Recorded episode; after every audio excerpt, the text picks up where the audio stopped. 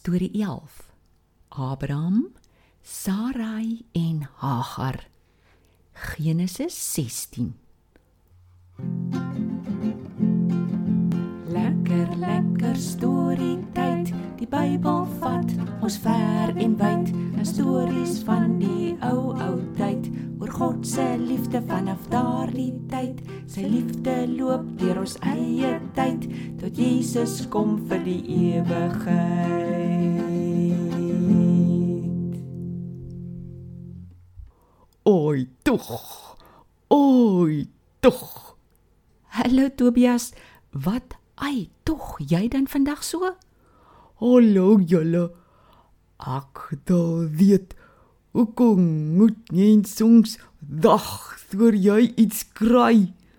Dis nie lekker om te dag nie. Tobias, dis nou 'n ding waarmee ons almal sukkel.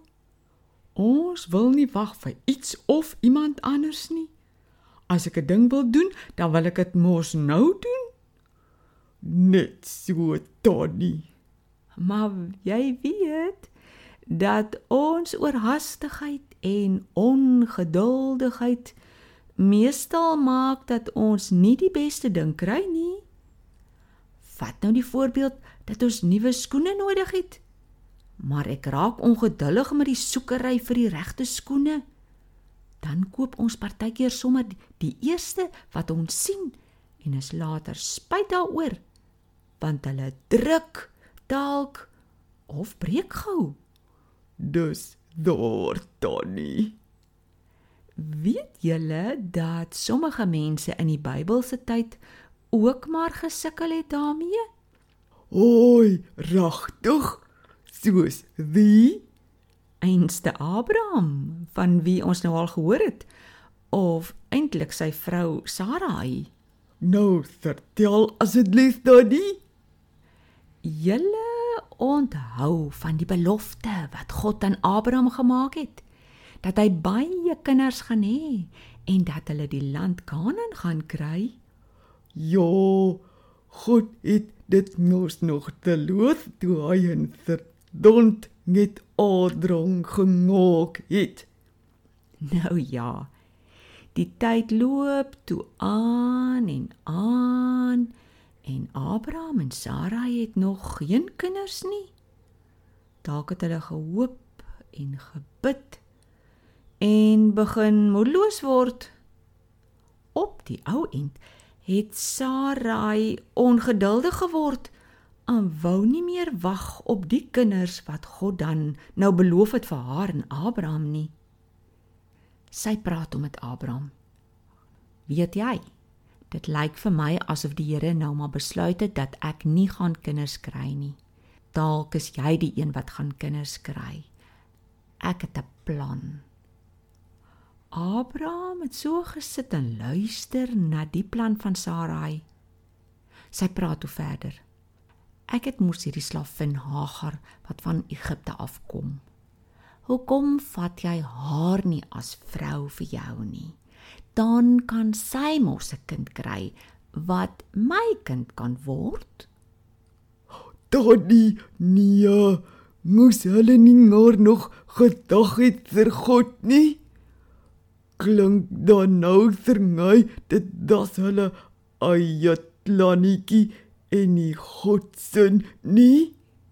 Ek dink jy's reg dat dit hulle eie plannetjie was. Het het Adrang toe song gesting hierdie plan? Ja, hy het. Abraham vat toe vir Hagar as sy vrou en na 'n klein tydjie besef sy sy gaan 'n baba kry. En dit was die begin van baie probleme. Och nee. Mats, Tobias. Die eerste moeilikheid was dat Hagar toe begin dink sy is beter as Sarai. Sy luister nie meer vir haar as sy vir haar werkies gee nie. Sarai raak toe kwaad en sy gaan kla by Abraham. Dis jou skuld dat ek nou so sleg behandel word deur my eie slavin. Ek Ek het haar vir jou as vrou gegee. En kyk hoe lelik is sy nou met my. Hmm, die Here moet nou maar wys wie was reg. Ek of jy. Abraham weet seker toe ook nie eintlik wat om te sê nie en antwoord daar: "Sy is jou slavin. Maak jy nou maar soos jy dink die beste sal wees." En wat doen Sarai toe? Sarai is toe teruglelik met Hagar. Sy het haar baie sleg behandel, so erg dat Hagar toe weer kwaad word en op 'n dag besluit: Ek gaan wegloop. Oi, oi, een sout drang net nog een en nog een. Nes jy sê. Hagar loop toe sommer 'n rigting in die woestyn in. Sy gaan sit toe daar by 'n fontein. Miskien het sy gehuil. Maar God sien alles raak. En weet julle wat? Hy stuur 'n engel na haar toe. Die engel vra: "Hagar, Sarai se slavin, waar kom jy vandaan en waar gaan jy heen?" Hagar antwoord: "Ek loop weg van Sarai af." "Sjoe, Daddy," het die engel met haar geroos. Wel, die engel het gesê sy moet teruggaan en sy moet luister na Sarai. Maar die engel het ook gesê dat die Here van haar swaar kry gehoor het en sien haar raak. Daar was nou 'n belofte vir Hagar ook. Haar nageslag gaan ook so baie wees dat niemand hulle kan tel nie. Die nageslag gaan kom uit haar seentjie wat gebore gaan word. God het selfs vir hom 'n naam gegee. Ismael. Dit beteken God hoor.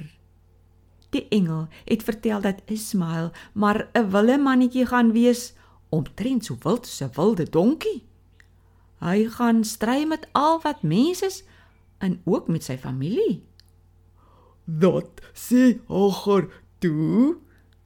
Hagar was so bly dat God 'n engel na haar gestuur het. Sy het net daar tot God gebid. U is God wat my sien. Hier by die fontein het ek die God gesien wat vir my sien. En van daardie dag af het die mense daai fontein Lagai Rooi fontein genoem. Die woord laat dink mens aan Hagar se gebed. 'n Tyd daarna is die seentjie gebore en sy pa Abraham het hom Ismael genoem. Daddy, dis darring nou een ding van ons God wat nou so lei ngok. O ngok, mense foute. As ons tot dit Nog hy iets moois dinne in die lelike. Maar ek dink ons moet nie so oorhaastig en ongeduldig so Sarai wees nie. Dan nie ons in die nots moet ter God dra om ons te help met geduld, nee. Ja, en hy wil dit vir ons gee. Baie geduld. Net jonger ons tyd is nou oud. Maar ek sal geduldig wag vir volgende keer se storie. Nots, ek groet julle. Ek is bly ons kon vandag ter haar leer ken. Totsiens, Tony. So klink my ons bid hierdie week vir geduld. Totsiens Tobias en Mats. thank you